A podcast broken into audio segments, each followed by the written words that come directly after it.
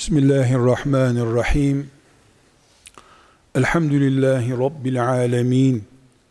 Ve sallallahu ve sellem ala seyyidina Muhammedin ve ala alihi ve sahbihi ecma'in.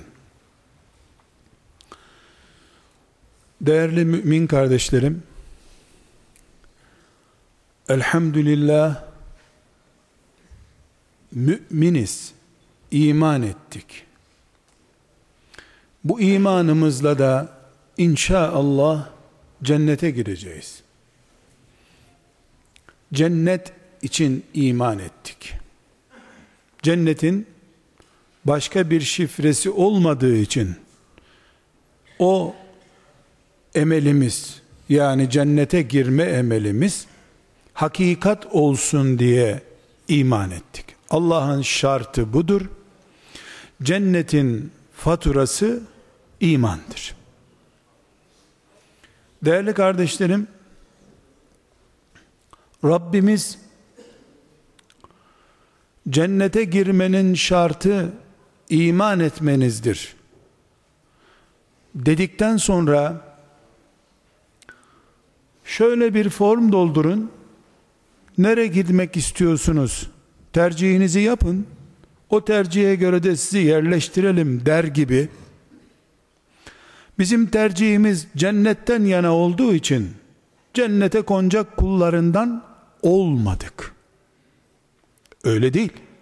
Önümüze bir form kondu ya da babalarımızın önüne konmuştu sülalece nereye gitmek istiyorsunuz diye. Neticede de bizim babalarımız cennet tarafını seçtiği için cenneti seçenlere de mümin dendiği için doğal olarak hepimiz mümin olduk diyemeyiz. İnsanlar kendilerini teselli ettirmek için mezarlık satın alıyorlar sağlıklarında. Filanca mezarlıkta yer bulalım diye. Ama cennet öyle aile mezarlığı kurulur gibi aile cenneti kurulan bir yer değil. Öncesinden ayarlanmıyor. Gerçekleşen imana göre Allah cennete yerleştiriyor. Kardeşlerim bu Allah'ın kanunu. Elhamdülillah bu kanunu bildik, hakikat olduğuna iman ettik ve inşallah Rabbimizin lütfuyla da cennete gireceğiz. Ancak kardeşlerim, hepimizin çok iyi bildiği bir hakikat var. Rabbimiz cennete girmemiz için bizi yarattı ama kimin hak ederek gireceğini, kiminde hak etmediği için cennetin öbür tarafı olan cehenneme gireceğini belirlemek üzere karşımıza bizi cennetten alıkoymayı kendisine gaye edinmiş bir şeytan da koydu. Biz ne kadar cennete girmek istiyorsak Allah da ne kadar cennetine koymak için bizi münasip durumda yarattıysa da boya, renge, sülaleye, doğduğun toprağa göre cennete koymayacağı için hak edeni, lütfunu hak edeni cennete koyacağı için bu hak edişi ortaya çıkaracak bir ortam yarattı Allah. O ortam şeytandır.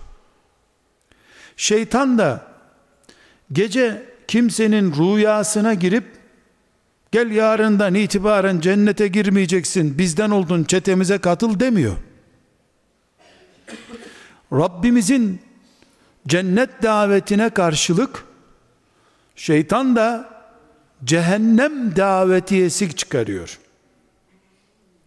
Cennetin bedeli sevaplar olduğu gibi cehennemin gereği de günahlardır.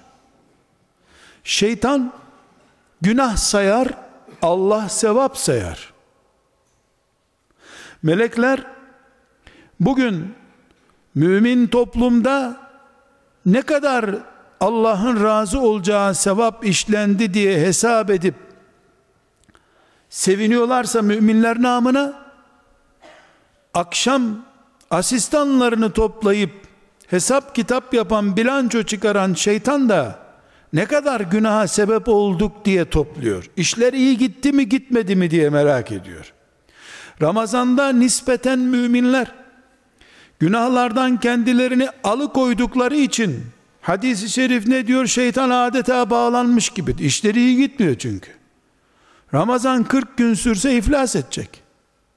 Çünkü onun da sermayesi günah işleyen müminler üzerindendir. Demek ki kardeşlerim Rabbimiz cennet şartlarını oluşturmak için iman edin buyurdu. Şeytan da bırakın imanı diyor. Şeytanın bırakın imanı demesi bıraktım inanmıyorum diyerek ortaya çıkmıyor. Tıpkı ben Allah'a iman ettim, form doldurdum, artık ben müminlerdenim, kimse beni atamaz, vatandaşlık hakkı, mahkeme kararı gerekir herhalde atılmak için gibi düşünemiyor. Hepimiz çok iyi bilmeliyiz ki, iman cennetin şartıdır ama haramlar, günahlar imanımızı paslandırıp işe yaramaz hale getirecek tehlikelerdir. Bunun için değerli mümin kardeşlerim gayet açık ve sarih bir şekilde diyoruz ki Ya Rabbi cennete koy bizi demeden önce haramlardan muhafaza buyur bizi desek daha akıllıca iş yapmış oluruz. Çünkü haramlardan korunmuş bir mümin mevcut imanı zaten potansiyel cennet adayıdır. Ama işlenen her haram Allah'a karşı yapılmış her kabahat imandan bir puan, iki puan, gram gram geri çekmektedir. Çünkü ne diyoruz? İman ettim bir kere. Hakkın senin cennet diye bir şey var mı? Neden? Neden? İnsanlığın efendisi, Allah'ın en sevgili kulu, Peygamberimiz sallallahu aleyhi ve sellem, neden defalarca, onlarca defa Rabbim kalbimi sabit tut diye dua ediyordu. Neden? Kitabımız, Kur'an'ımız iman edenlerin dua tarzından söz ederken Rabbena la tuzigh kulubena Ey Rabbimiz kalplerimizi kaydırma diye neden dua etmeyi bize öğretiyor? Çünkü bir kere sen iman edenler tarafına geçtin, tamam garantisin diye bir hakikat yok ki. Koruduğun kadar imanını o iman seni cennete koyacak diye bir hakikat var. Sağlıklı ve güçlü doğmuş olmak hastalıklara karşı bir tedbir alınmadığı zaman ölünceye kadar sağlıklı yaşama nedeni olabiliyor mu? Bir insan, bir çocuk sağlam doğdu. Sağlam doğduğuna göre selamun aleyküm yola devam. Ölünce mezara koyarız denebiliyor mu? Korursan sağlığını beden işine yarıyor. İman da bir kere doğdu yüreklerimizde elhamdülillah artık tehlike yok diyemeyiz. Koruduğun kadar imanını seni cennete koyacak imanın var demektir. İmanı da sizler de takdir edersiniz ki 3-5 kişiyi geçmez ben imanımdan vazgeçtim diyen ama imanı delinmiş bir balon gibi bir zaman sonra pörsüyüp kalan kitleler var kardeşlerim. Ve işin esef verici tarafı imanının gitmiş olacağını düşünme fırsatı da bulamıyor insan. Var zannediyor. Bunun için biz müminler olarak cennete girmemiz imansız olmaz diye inandığımız gibi elhamdülillah böyle inanıyoruz. Bu imanı şeytan kelepur bana bırakmaz diye de düşünmek zorundayız. Sağlam doğmuş olabilir bu çocuk. İlk üşüttüğünde onlarca hastalığa yakalanabilir. Sağlam doğmak sonra hasta olmamak demek değil. Kuvvetli imanın varlığı şeytanın e bu kadar kuvvetli imanla uğraşamam ben demesini gerektirmiyor. İman güçlendikçe şeytanın planı da güçleniyor. Çünkü şeytan korsan bir teröristin adı değildir. Yetkisini ve kudretini Allah'tan alan bir mahluktur şeytan. Çünkü Allah kimin imanını korumak diye bir endişesi olacak bunu görmek istiyor. Bunu görmek için şeytanı zaten test unsuru olarak dünyaya gönderdi Allah. Bu sebeple kardeşlerim imanımız mümin oluşumuz için kanatlanıp uçacak kadar sevinmeliyiz. Elhamdülillah derken ciğerlerimizden hamd etmeliyiz Allah'a. Sonra da bu büyük nimetin haramlara kurban edilmesi tehlikesine dikkat etmeliyiz. Kardeşlerim, hiç kimse zannetmesin ki bir insan mesela alkolü baz alalım. Bir Müslüman salı günü sabah kalktığında alkol kullanmaya karar veriyor. Bu dünyada olur bir şey değildir bu. İnsan tabiatına aykırıdır. Biraz sonra okuyacağım hadisi şeriften de bu dersi çıkaracağız inşallah. Bu tabiata aykırı bir şey. 20 gün alkol kullanma kursuna da gitmesi gerekmiyor herhalde. Ama çok hassas bir şeye dikkat çekiyorum. 30 yaşında alkole başlayan birisi 5 yaşındayken bir alkol reklamının beynine girmesinin 25 sene sonraki uygulamasını yapmıştır. Çünkü şeytan bir buğday tanesini kar altında 6 ay saklayıp 6 ay sonra başak haline getirme imkanına sahiptir. Bugün şeytanın milyarlarca insanın eline sunduğu alkol kadehlerinin yatırımını şeytan Nuh Aleyhisselam zamanında yapmıştı belki de. Şeytan günübirlik çalışmıyor. Ne dedi Allah'a cennetten kovulacağı gün? Kıyamete kadar sana iman eden kullarını ayaklarını kaydıracağım ben de dedi.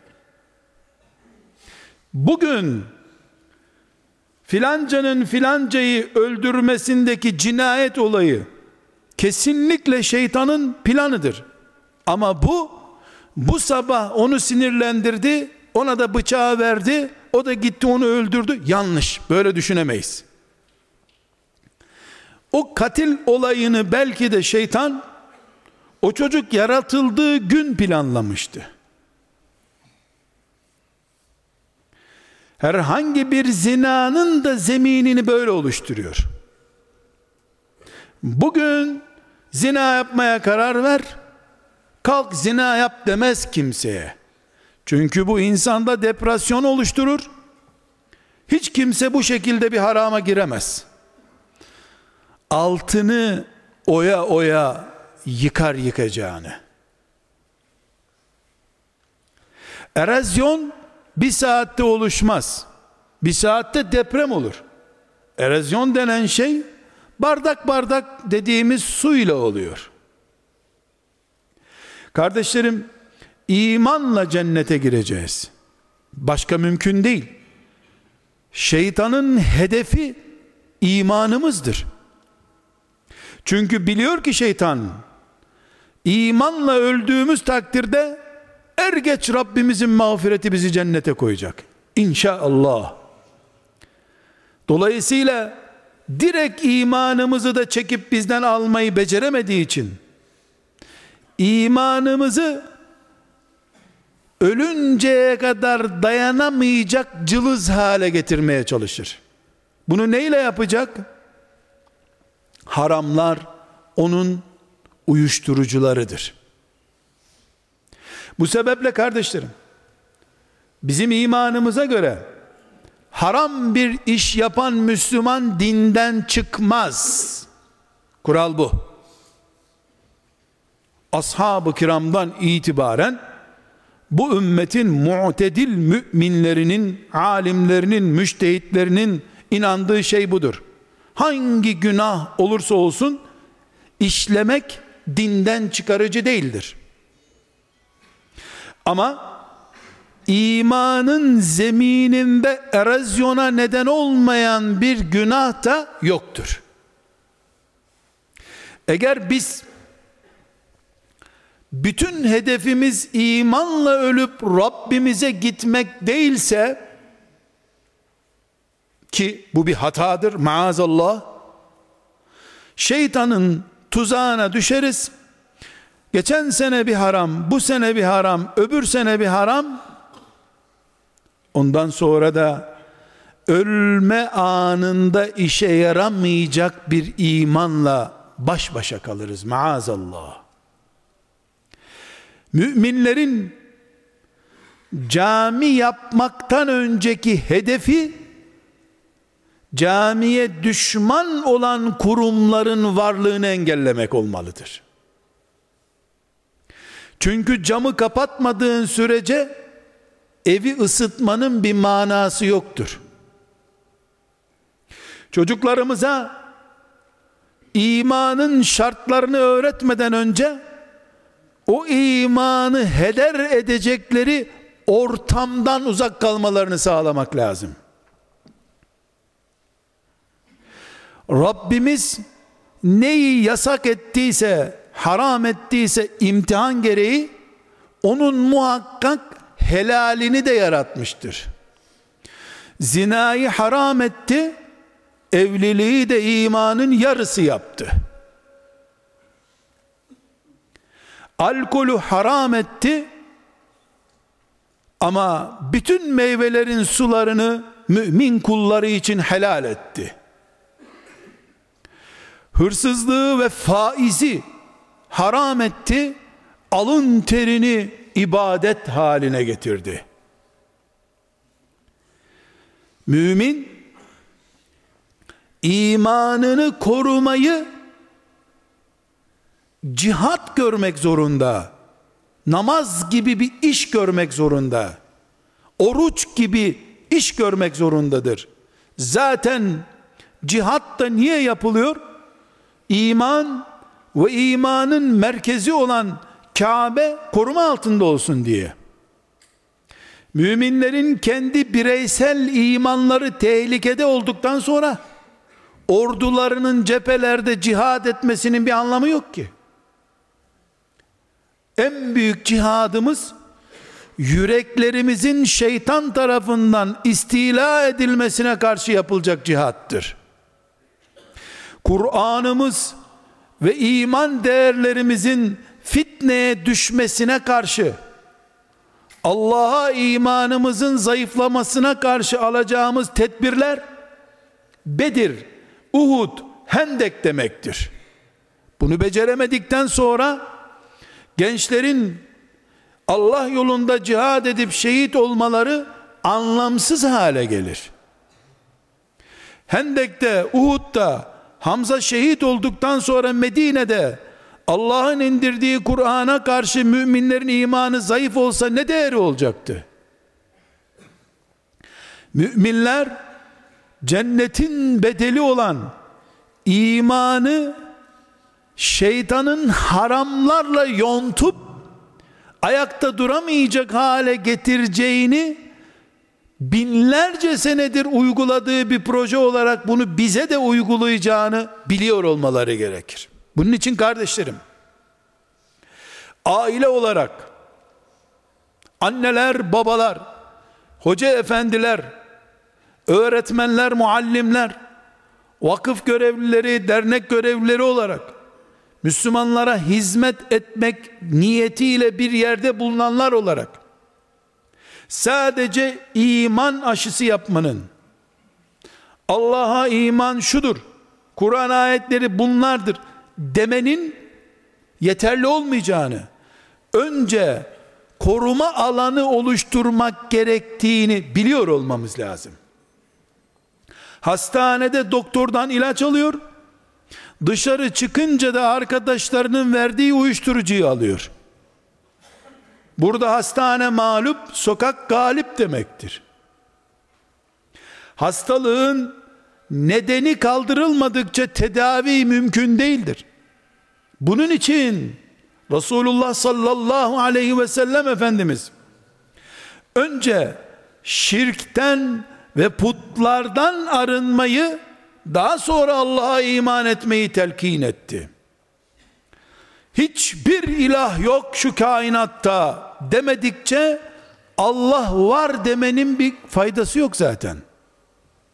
Allah da var putlarla beraber der gibi bir ifade iman olamaz.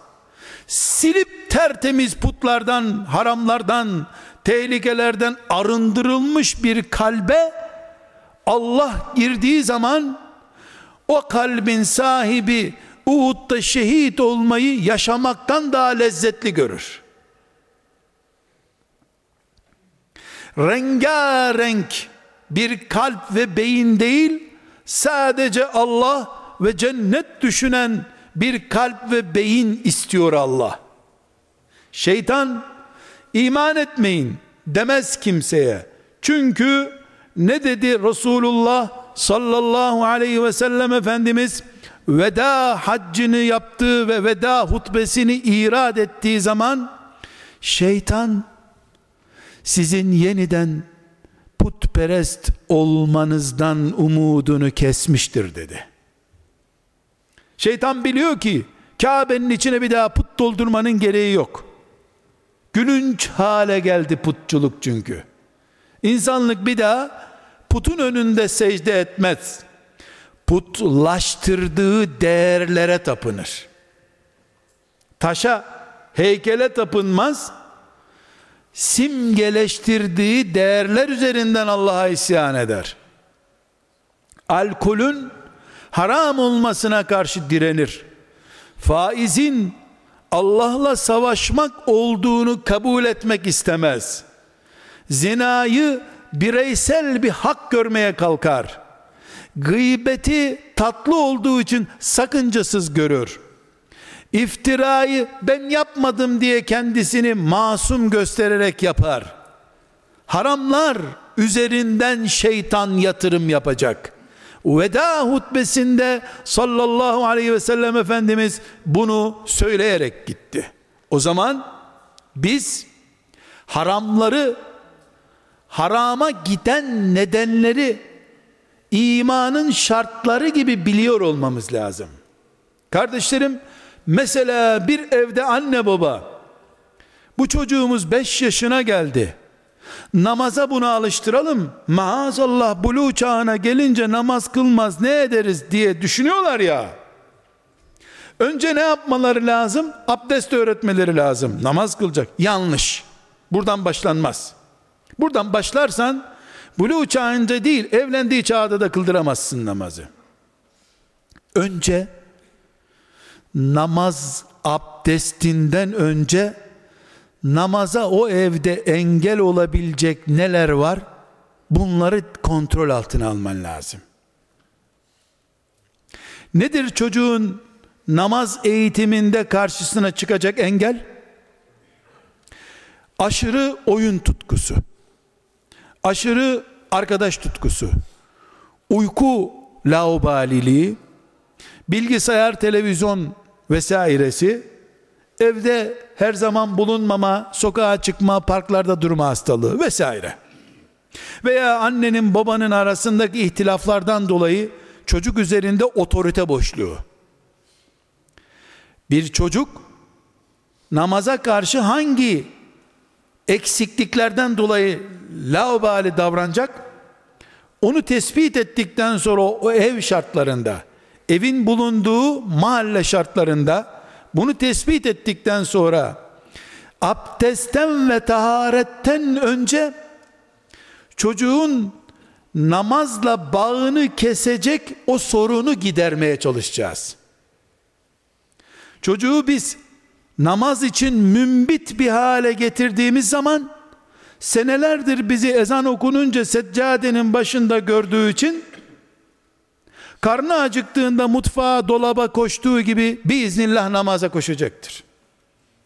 Ama çocuğu hayatından daha değerli hale gördüğü bilgisayarından, oyunundan, arkadaşlarıyla eğlencesinden, parkından vesairesinden makul yöntemlerle ceberut bir kafayla değil makul yöntemlerle ve uzun bir zamana yayarak çocuğun bu çevresini oluşturmadan filan pazartesi günü zaten peygamberimizin doğum günüdür. Senin de yıl dönümündür. Bismillah namaza başladık. Her namaz eksikliğinde şu ceza. Filan bilgisayarını aldık. Namaz kılmadın bisikletini aldık. Namaz kılmadın sen bu sene geziye gelmiyorsun. Namaz kıl iyi bir namaz düşmanı yetiştirmek için fena bir yöntem değildir bunlar. Fena bir yöntem değil kardeşlerim çocuğa sevmeyeceği bir ilacı içirmek için anneler 40 numara yapmıyorlar mı? Oyuncağını eline alıyor bak bunu sana vereceğim diyor. Şu ilacı içersen şöyle olacağım diyor. Çocuk anlamadığı halde 6 aylık çocuk yarım saat bilimsel açıklama yapıyor ona. Sonra ilacı içsin diye. Ve inneha lekebiratun ve inneha lekebiratun ve inneha lekebiratun namaz gayet ağır miraç standartlarında bir ibadet olarak hiçbir çocuk için kolay değildir. Ve'mur ehleke bis salati vastabir aleyha. Ailene namazı tembih et buyuruyor Allah ama sabırlı ol ha. Peygamber de olsan sabırlı ve zamana yayılmış bir eğitim süreci izlemezsen çocuğuna namaz kıldıramazsın. Diyor Kur'an. Allah'ın kitabı. Eğitim malzememiz. Bunun için bir annenin çocuğuna şurubunu içirmek için kılıktan kılığa girdiği gibi çocuğun namazla bağlantısını kesecek ne varsa oksitlenmesine sebep olacak ne varsa namaz iletişiminde temasında. Önce onu gidermek gerekir. Yoksa namazsız bir çocuğun anası babası olarak dirilmek yüz karası olur kıyamet günü. Namaz kıl demek yeterli değil. Hoca efendiye teslim edip yaz aylarında buna namazı öğret demek de sorumluluktan kurtarmak için yeterli değildir. Hangi ilaç kar oynayan çocuğu tedbiri alınmadan soğukta akşamlayan bir çocuğu hangi ilaç hastalıktan kurtarabilir ki? Ne yapsın sana hoca efendi? Evlerimizi haramlara karşı korunmuş hale getirmek gerekiyor. Şunu da zannedemeyiz değerli kardeşlerim. Evimizde alkol elhamdülillah yok. Kabul. Müstehcenlik yok. Kabul. Elhamdülillah. Evimizde hiç küfür yok. Maşallah. Faiz bizim ev kredili değil zaten. Elhamdülillah.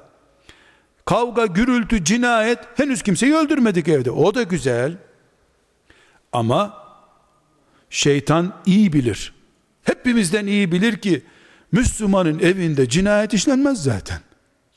Milyarda bir olur bir hatadır bu. Şeytan bunu bilir. Katil Müslüman yapmak için alkolü kullanamayacağını, borç alışverişleri kullanamayacağını iyi bilir şeytan. Ya ne yapar? Kur'an üzerinden, İslami değerler üzerinden aşırılığa kaydırıp Allah'ın adını kullanarak katil yetiştirir. Rakibimiz dünyada 6-7 kişi varken birini öbürüne öldürtmüş bir rakiptir. Şeytanın yüzlerce milyar kere deneyi var bu dünyada. Müslümanı nasıl kandıracağını çok iyi bilir. Sizin evinizde faiz girmemiştir. Doğru. Sizin evinize zina girmemiştir. Doğru.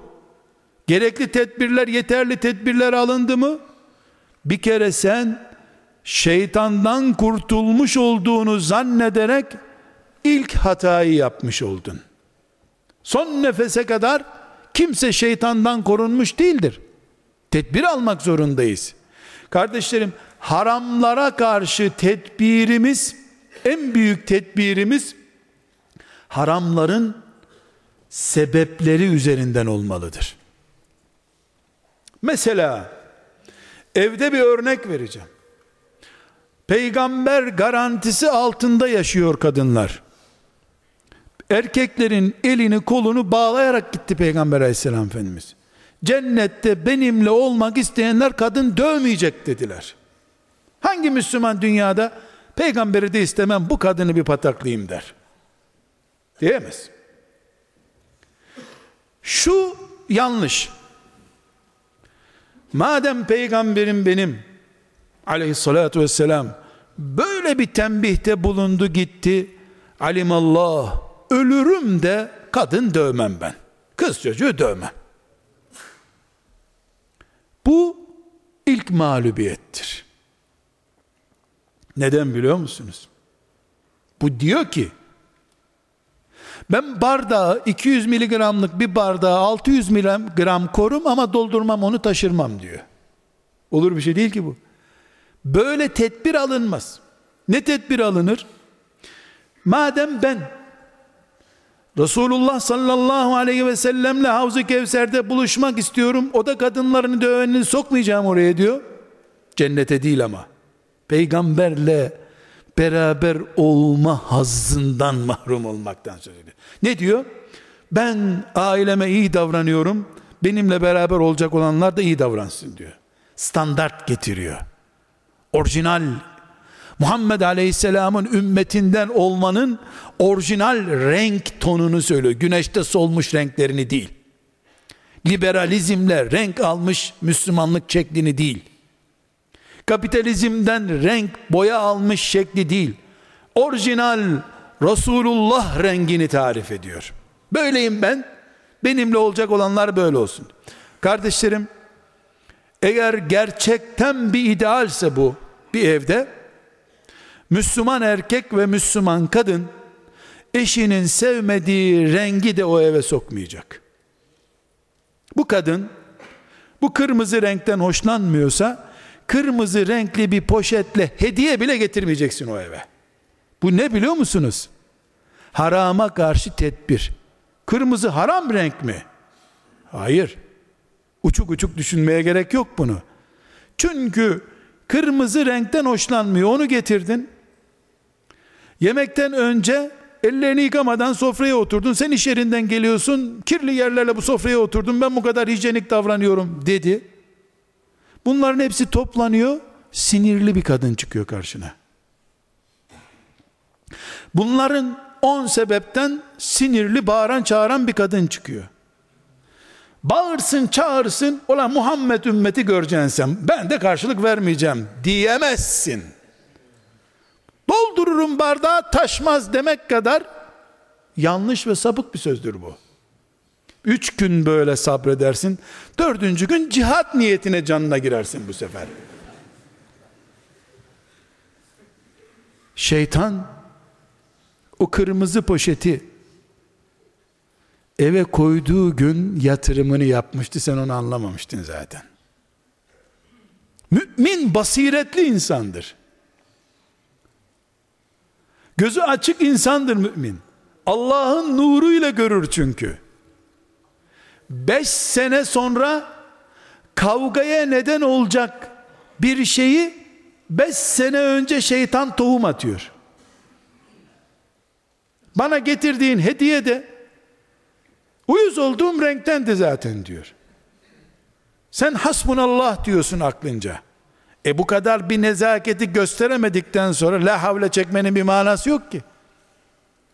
Birbirini takdir etmek, birbirinin hassasiyetlerine karşı nezaket göstermek değil mi Müslümanlık? O da sen de. Erkeği kadını yok bu işin. Erkeği kadını yok. Akşama kadar direksiyonda şoförlük yapmış bir insan. Akşam eve geldiğinde başından duman tuter deniyor ya. Başından kulaklarından duman çıkıyordur onun. Bir iki kere tembih etmiştir hanım bir sıkıntı varsa da bir iki saat sonra, sonra onu şöyle bir uzanayım şurada demiştir. E kapıyı açmadan evdeki direksiyon sıkıntılarına başladığın zaman e, ben Allah için sabrediyorum. Peygamberimle beraber olacağım bir hafta denir.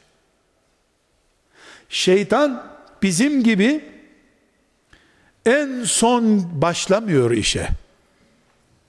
Çok eskilerden başlıyor. 30 yaşında bir sıkıntı üretiyor, 60 yaşında faturasını ödetiyor. Torunları var. Torunları evlenmişler, çocukları olmuş, onların çocukları olmuş, torunları var. Oturuyorlar. Senin baban rahmetli düğünde bana ne demişti hatırlıyor musun diyor. Şu ağaca bak yahu. 40 sene sonra meyve vermiş zakkum ağacı. 40 yıl sonra meyve veriyor. Şeytan için hiçbir çirkin söz, hiçbir hata silinmez. O onu bir kenara koyar. Ne diyor Efendimiz sallallahu aleyhi ve sellem? Allah ümmetimi hep affedecek ama günahlarını sonradan teşhir edenleri affetmeyecek buyuruyor. Niye affetmeyecek? Çünkü ümmeti Muhammed silinmiş şeyleri ortaya çıkardıkça şeytan hazır malzeme bulacak ondan dolayı. Şeytana karşı toplu mücadelemiz bizim alkolleri, zinayı, faizi hükümet kararıyla yasaklayıp sil süpür yapmakla değildir. Defalarca yasaklandı bunlar. Ömer bin Hattab radıyallahu anh Medine sokaklarında sildi süpürdü bu işleri. Ashab-ı kiram alkolü sokaklara su gibi döktüler. Fethettikleri yerlerde alkolün damlasını bırakmadılar. Şeytan hiç rahatsız olmadı bundan. Dökün dökün. Dökün dedi. O dökülen yerde bitirmi, bitirdiği buğdaydaki alkolün etkisinden yeni meyhaneler açtı bu sefer. Şeytan bu işten geçiniyor. Bunun projeleri var şeytanın elinde. Kardeşlerim, imanımızı korumak lazım diyorum ya. Başka türlü cennete giriş mümkün değil. İmanı korumak, imanı koruyalım, imanı koruyalım diye filama asarak olmuyor bu iş. Eve gidip de bundan sonra imanımız koruma altına alınmıştır. Böyle bir kanun çıkarsan ne olur? Evde uygulama yapsan ne olur? Bunun pratiğini yapmak lazım. Şeytana malzeme olacak şeylerden, harama götürecek şeylerden uzak durduğumuz zaman evde, camide, camide bile şeytan için cami girilmez bir yer değil ki senden önce gelip ön safta bekler seni. Ön safta bekler. Niye? Yasak değil ki şeytana ön safa geçmek. Hiçbir şey yapamazsan, namaz ortasında senin telefonunu açık unutturur, başka bir arkadaşına 10 sene seni aramayan birini arattırır, bütün müminlerin namazda huzurunu kaçırır, çekip gider sonra. Sana göre hiçbir şey olmadı, özür bile dilemezsin oradaki müminlerden. Ayağına bassaydın hakkını helal et diyecektin. E telefonla müminin namazına bastın. Ey müminler bu camide benim telefonum çaldı. Siz de namazdaydınız. Allah'ını seven bana hakkını helal etsin ya. Çok büyük kabahat ettim. Demeyi de ite. Telefon çaldı. Canım ben mi çaldırdım? Telefon çaldı. Nasıl olsa sen çaldırmadın. Ama camiye sağ ayakla girmek Resulullah'ın sünnetidir. Aleyhissalatü vesselam. Mümini camide rahatsız etmemek de Resulullah'ın sünnetidir. Cuma hutbesi okuduğu minberinde ön safa doğru başkalarının omuzuna basarak gelen birini görünce aleyhissalatü vesselam Efendimiz hutbesini yarım bırakıp eziyet ediyorsun müminlere otur oturduğun yerde buyurup hutbesine sonra devam etti. Sen müminlerin zaten pamuk ipliğiyle namaza bağlı insanlar. Senin telefonun bir de bando gibi sesi var. Bulunmaz bir müzik bulmuşsun onu telefon sesi yapmışsın. E camiyi batırdın sonra da helallik de istemedin. Doğal hakkın senin telefon. Hayır hayır. Şeytan için var ya o camide namaz kılan 20 kişinin namazı ifsad olsun 40 gün aç kalsın şeytan hiç üzülmez. 40 namaz 40 kişi namaz kaybetti orada. Şeytan kazandı gitti o gün. Zirve yapmıştır borsada onun karı günahlarla mücadele gücümüz olmayabilir kardeşlerim ama günahlara giden yöntemleri, şeytan taktiklerini binlerce senedir aynı şeyle uyguluyor şeytan. İşte eve eşlerin razı olmayacağı bir ortamı senelerce oluşturuyor. Bir gün sen benim dediğimi yapmadın dedirttiriyor sonunda. Halbuki on bin defa onun dediğini yapmışındır. Ama hep kırmızı renkli poşet getirdiğin için hiçbiri kabul olmamıştır. Bunun adı psikolojiymiş, sosyolojiymiş, iletişimmiş. Anlamam bu lisandan ben. Nereden anlarım? وَعَاشِرُوهُنَّ bil diyen Kur'an'ımdan anlarım ben. Ne demek? وَعَاشِرُوهُنَّ bil onun standartlarına göre, ortalamaya göre hayat uygulayın diyen Allah'ı anlarım ben. Biliyorsun ki bu insan e, kuyruk yağı girdi mi midesi bulanıyor. E sen de sadece kuyruk yağından yapılmış bir yiyeceği getiriyorsun, buyur ye diyorsun. Midesi dönüyor, yemem dese bir dert, yerim dese bir dert. Seni o gün boşayacak, hadi mahkemeye gidelim sen yemeğe kuyruk yağı kattın diyecek hali yok. Ama bil ki bir gün avukatın önünde oturduğunuzda o kuyruk yağıdır kokan şey. Kardeşlerim, bünyemizi de birkaç sene önce belediye otobüsündeki bir mikrop burnumuzdan girdi ve beş sene sonra bilmem ne hastalığından bizi hastaneye götürdü olmuyor mu? Hastayı görür görmez ölüyor mu insanlar? Hayır, bir mikrop kapıyor, seneler sonra ölüyor. Günahlar da böyle. Kardeşlerim, buyurun Resulullah sallallahu aleyhi ve sellemi sahih Müslim'deki hadisi şeriften dinleyelim. Resulullah sallallahu aleyhi ve sellem Efendimiz konuşsun, biz de dinleyelim. Buyuruyor ki, günahlar kilim örülür gibi örülür insanın kalbinde. Kilim nasıl örülüyor biliyoruzdur. Kumaş mesela. Böyle ipler bir öyle bir böyle geçiyor. Bir hasır, hasıra bakalım, kilime bakalım. Kilim örülür gibi örülür. Herkes günahla karşılaşır. Mümin ve Allah'tan korkan kalp günaha anında tepki gösterir.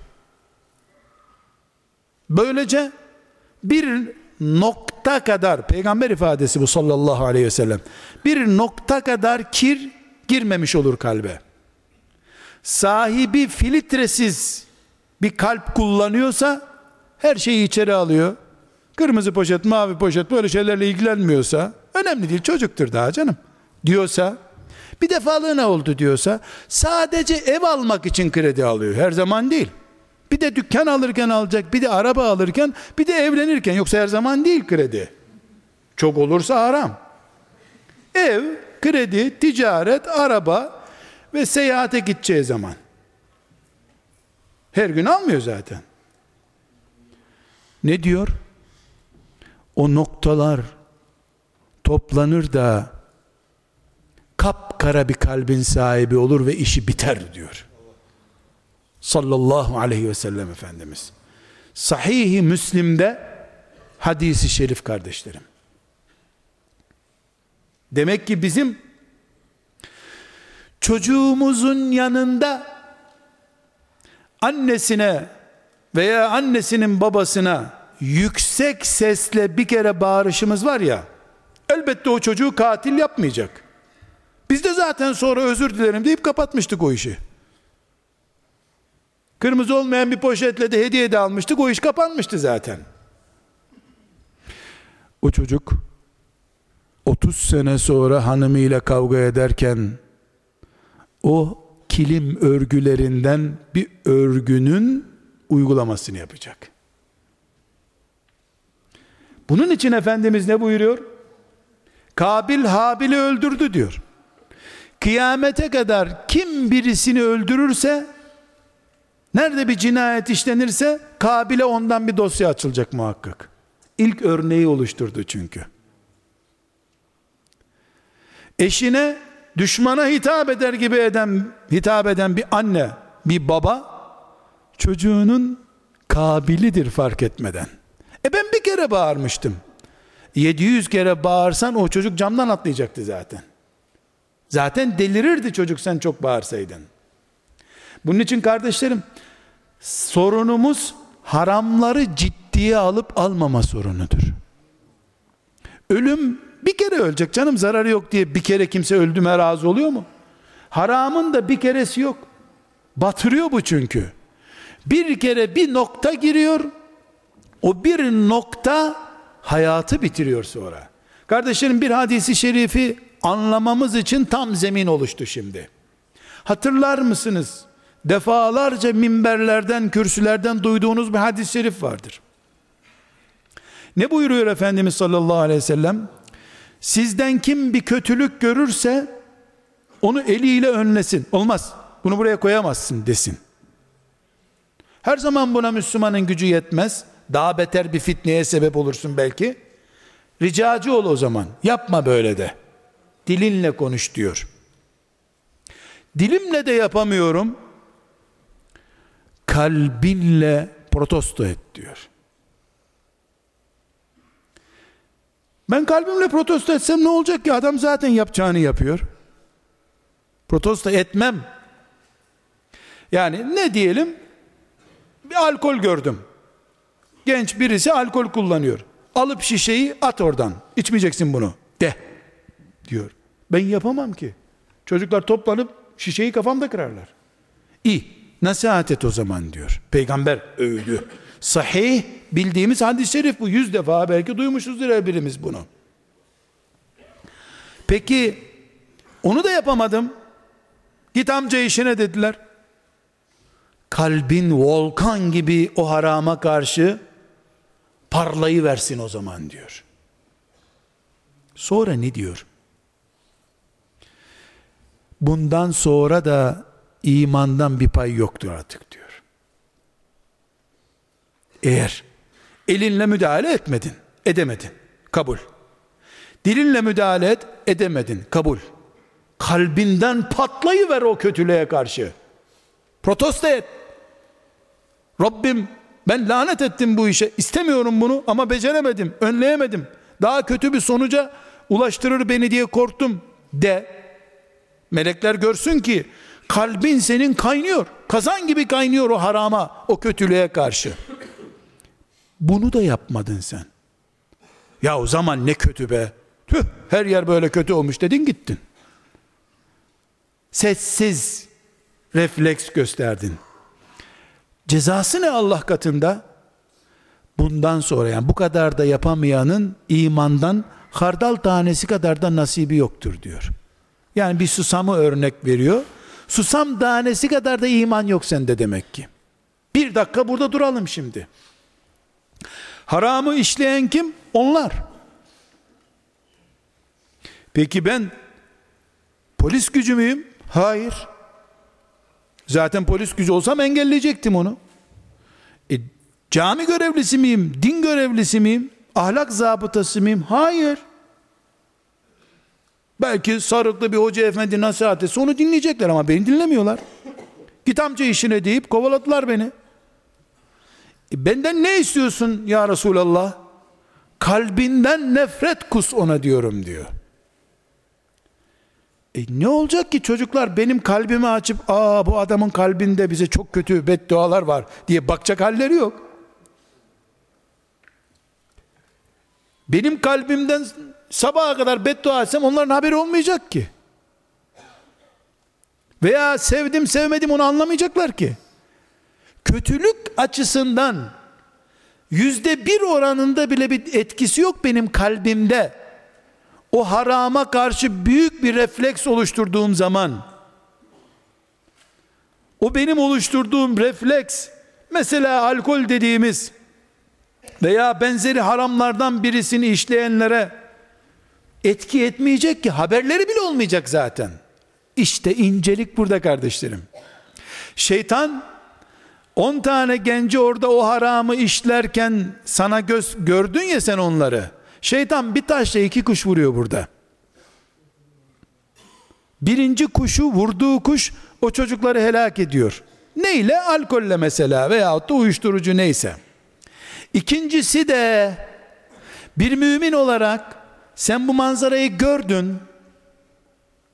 O manzaraya senin elinle müdahaleni istiyor Allah. Sen müminlerin doğal ahlak zabıtasısın çünkü. Beceremedin, tamam. Allah zorla kimseden bir şey istemiyor. Dille müdahale et diyor, onu da beceremedin. Tamam onu da Allah emretmiyor o zaman. Kalbinde fırtına olsun diyor bunlara karşı. Peki bu o kötülüğü önleyici bir şey değil, haberleri de olmayacak zaten. Ama şeytan ikinci kuşu vuracak. Nedir o? Müminin alkole, zinaya, cinayete, gaspa, gıybete, iftiraya, dedikoduya, ahlaksızlığa karşı müminin kalbi kilitlidir. Cinayet, filmi bile seyredemez mümin. Ona film olarak bile tahammül edemez. Ya senaryodur bu tiyatrodur seyret ona bile tahammül edemez mümin. İnsan ölüyor burada diye. Kedinin öldürülmesine bile tahammül edemez mümin. Tahammül edemeyen bir adam olarak müdahale et diyor Allah. E edemedim ya Rabbi. Fırtına çıksın kalbinden diyor. Şeytanın ikinci vurduğu kuş ne? Benim Allah'ın haramlarına karşı kalbimdeki potansiyel enerjiyi bir yerinden deliyor bu sefer. Bugün gördüğün işte uyuşturucu kullanan çocuklara müdahale etseydin sen bu senin uyuşturucuya karşı potansiyel mümin tavrın sayesinde o haramlara karşı hazır teyakkuzda bir ordu gibi olman olacaktı. Sen onu hiçbir zaman zaten yapmayacaktın. Bugün sen sessiz kaldığın, kalbinle bile olsa refleks göstermediğin o haram Kıyamet günü sen dirildiğinde mesela alkolse o alkole karşı 100 olması gereken tepkini 80 olarak karşına çıkaracak. Allah harama 100 eksi puan vermiş sana göre 80 o puan.